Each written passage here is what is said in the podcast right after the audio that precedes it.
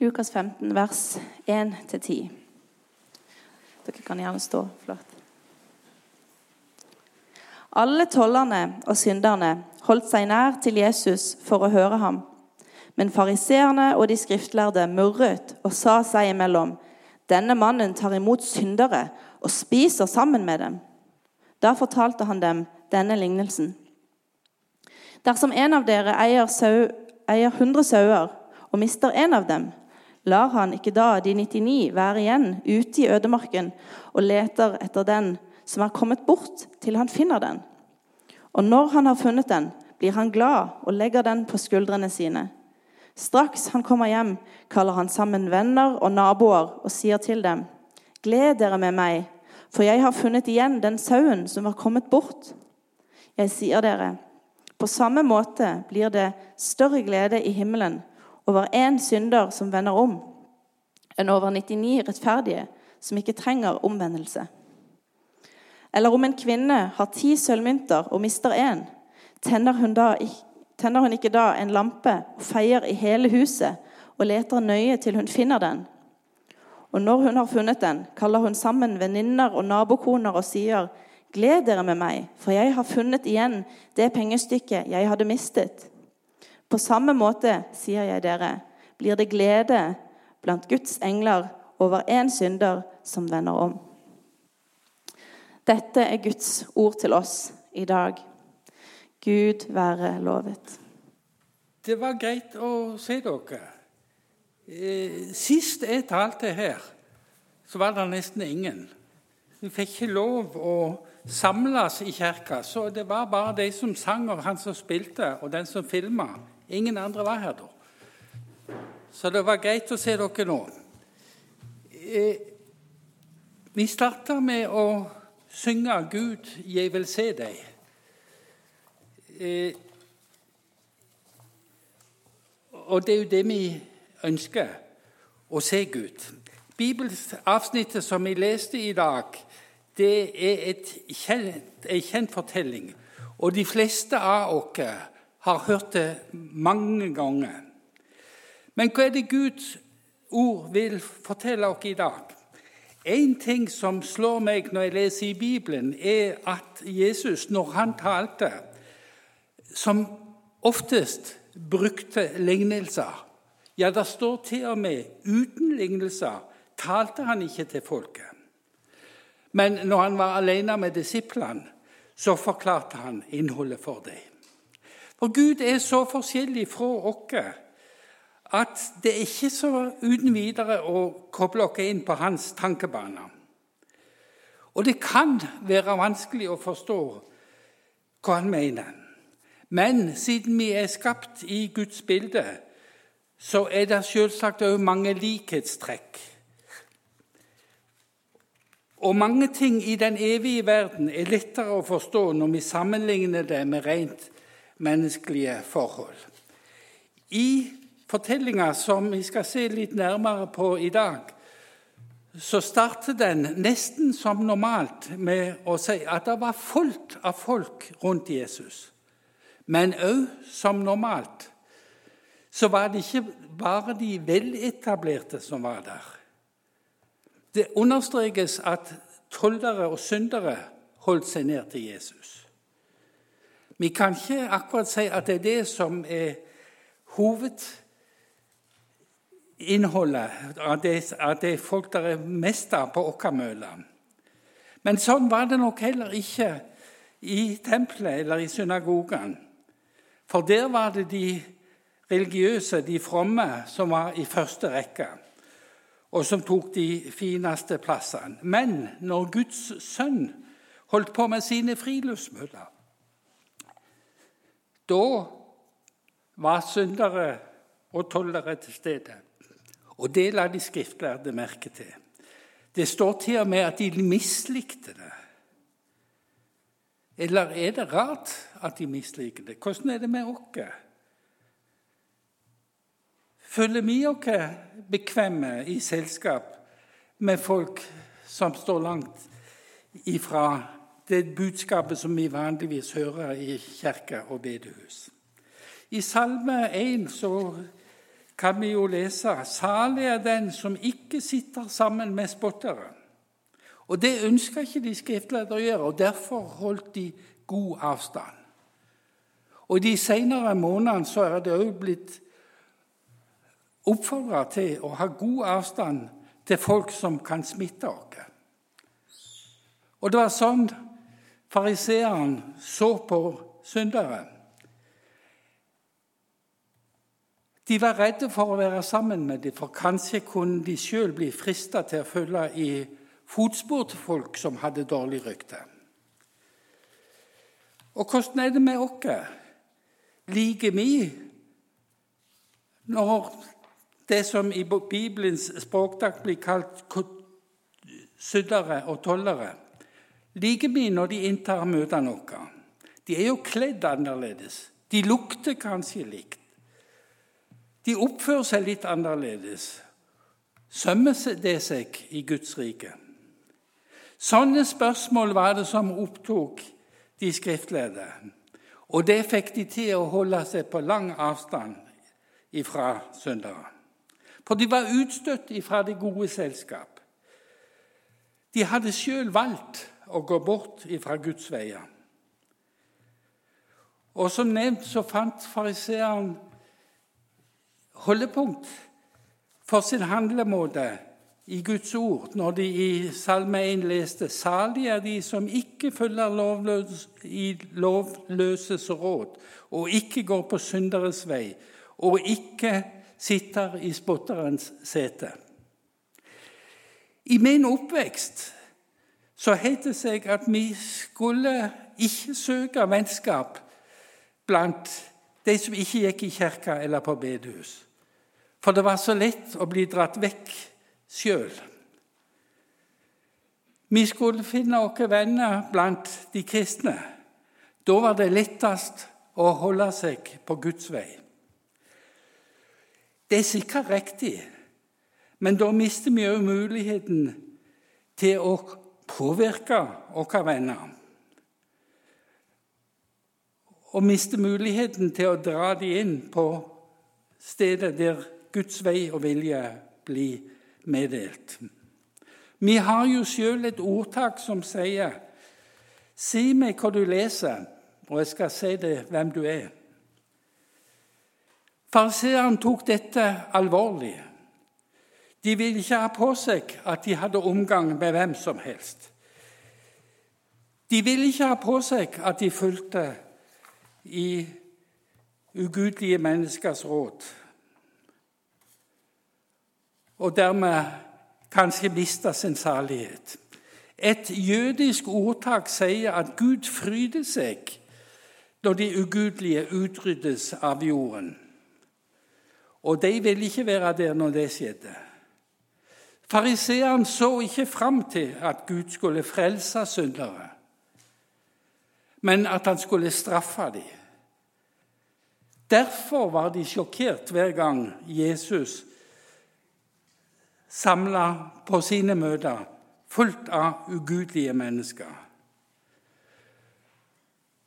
Og Derfor er denne lignelsen forma i Lukas evangeliet retta mot de skriftlærde, ikke for å dømme dem, men for å vise dem Guds sanne sinnelag.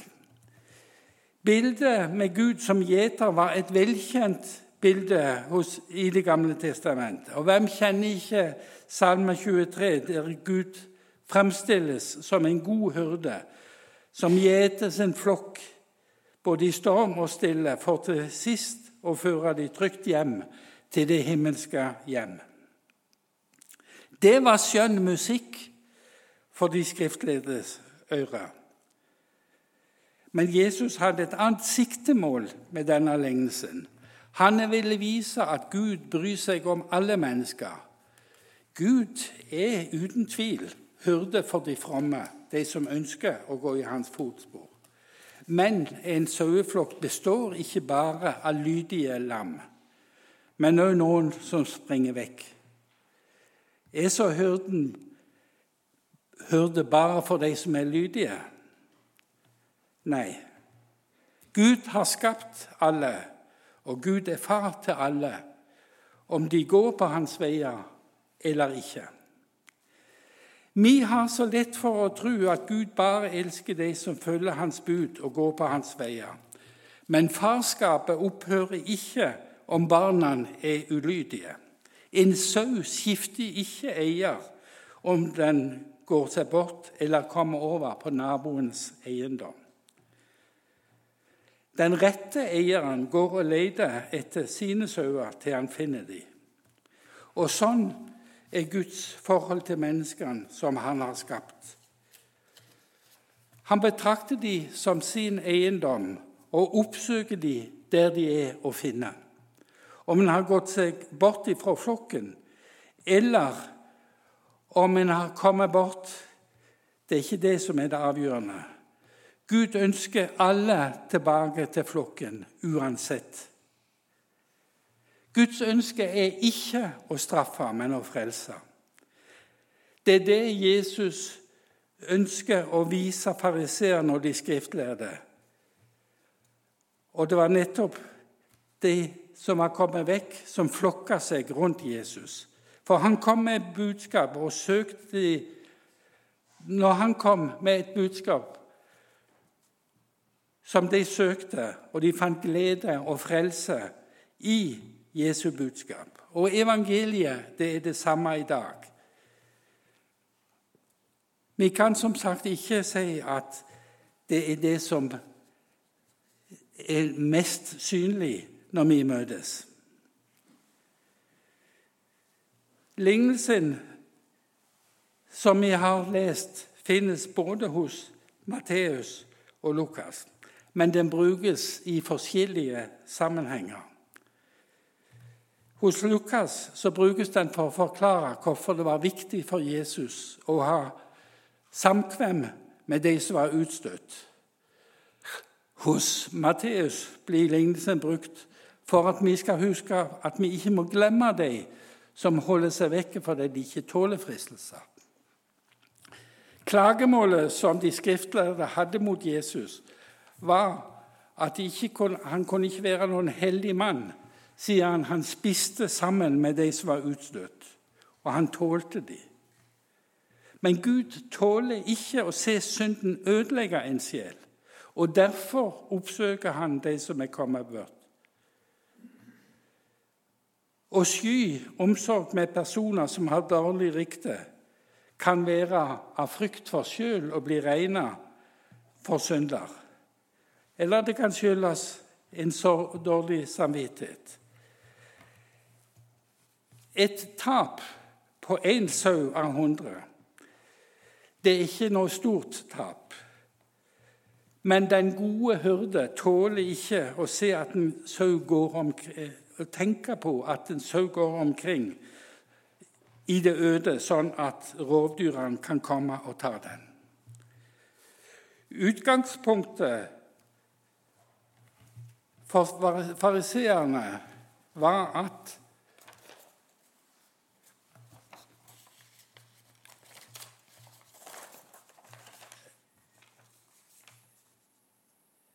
De forarga seg over at Jesus hadde fellesskap med tollere og syndere. Hyrden driver ikke og trekker ikke den bortkomne sauen med seg. Han bærer den. Bildet som Jesus tegner av Gud, er at Gud er like glad når en fortapt synder vender om, som han en hyrde er når han finner igjen en sau som har kommet vekk. Gud gleder seg over ting som er blitt funnet. Gud er mildere i sin dom enn mennesker. De rettroende jøder ville avskrive tollere og syndere som mennesker som fortjener Guds ødeleggelse. Men Gud er ikke sånn. Han elsker alle og gleder seg når det som er kommet vekk, blir funnet igjen. Det er lettere å komme tilbake til Gud enn å komme hjem til en iskald kritikk fra våre medmennesker. Hele kapittel 15 hos Lukas konsentrerer seg om ett tema Guds glede over å finne igjen det som er blitt borte.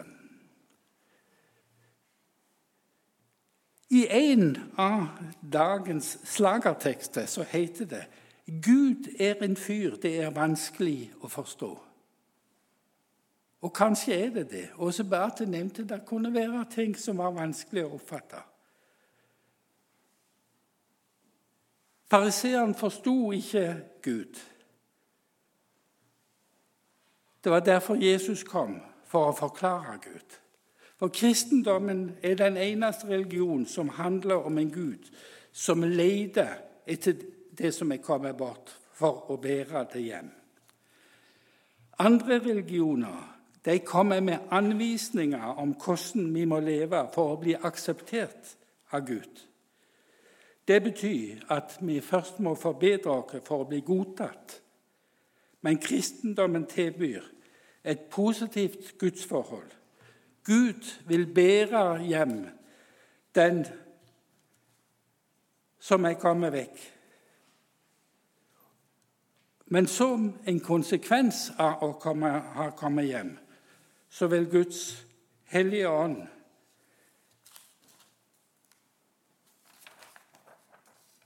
endre vår levemåte og vår væremåte. For Guds kjærlighet, den er individuell. Den omfatter alle. Guds kjærlighet er oppsøkende og tålmodig. Han leter helt til han har funnet det. Guds kjærlighet er en kjærlighet som gleder seg. Det er ikke beskyldninger eller moralprekener. Det er bare glede over å ha funnet igjen det som har kommet vekk. Det er menneskelig at vi ikke glemmer fortida til de som er rundt oss, eller oss sjøl. Men Gud kaster vår fortid bak sin rygg og har bare tilgitt. Han bare fryder seg over alt som kommer hjem. Å ha måltidsfellesskap med syndere blir ansett som å ha godtatt deres livsførsel. Men Jesus tok imot syndere fordi at han ønska å komme og vise at Gud ønska å komme i kontakt med dem. For Guds kjærlighet er beskyttende kjærlighet som søker å frelse. Det finnes kjærlighet som er så intens at den ødelegger. Det finnes kjærlighet som svekker, men Guds kjærlighet er beskyttende og frelser et menneske til tjeneste for medmennesker. Den som har flakka rundt, blir klok. Den svake blir sterk. Synderen blir rein.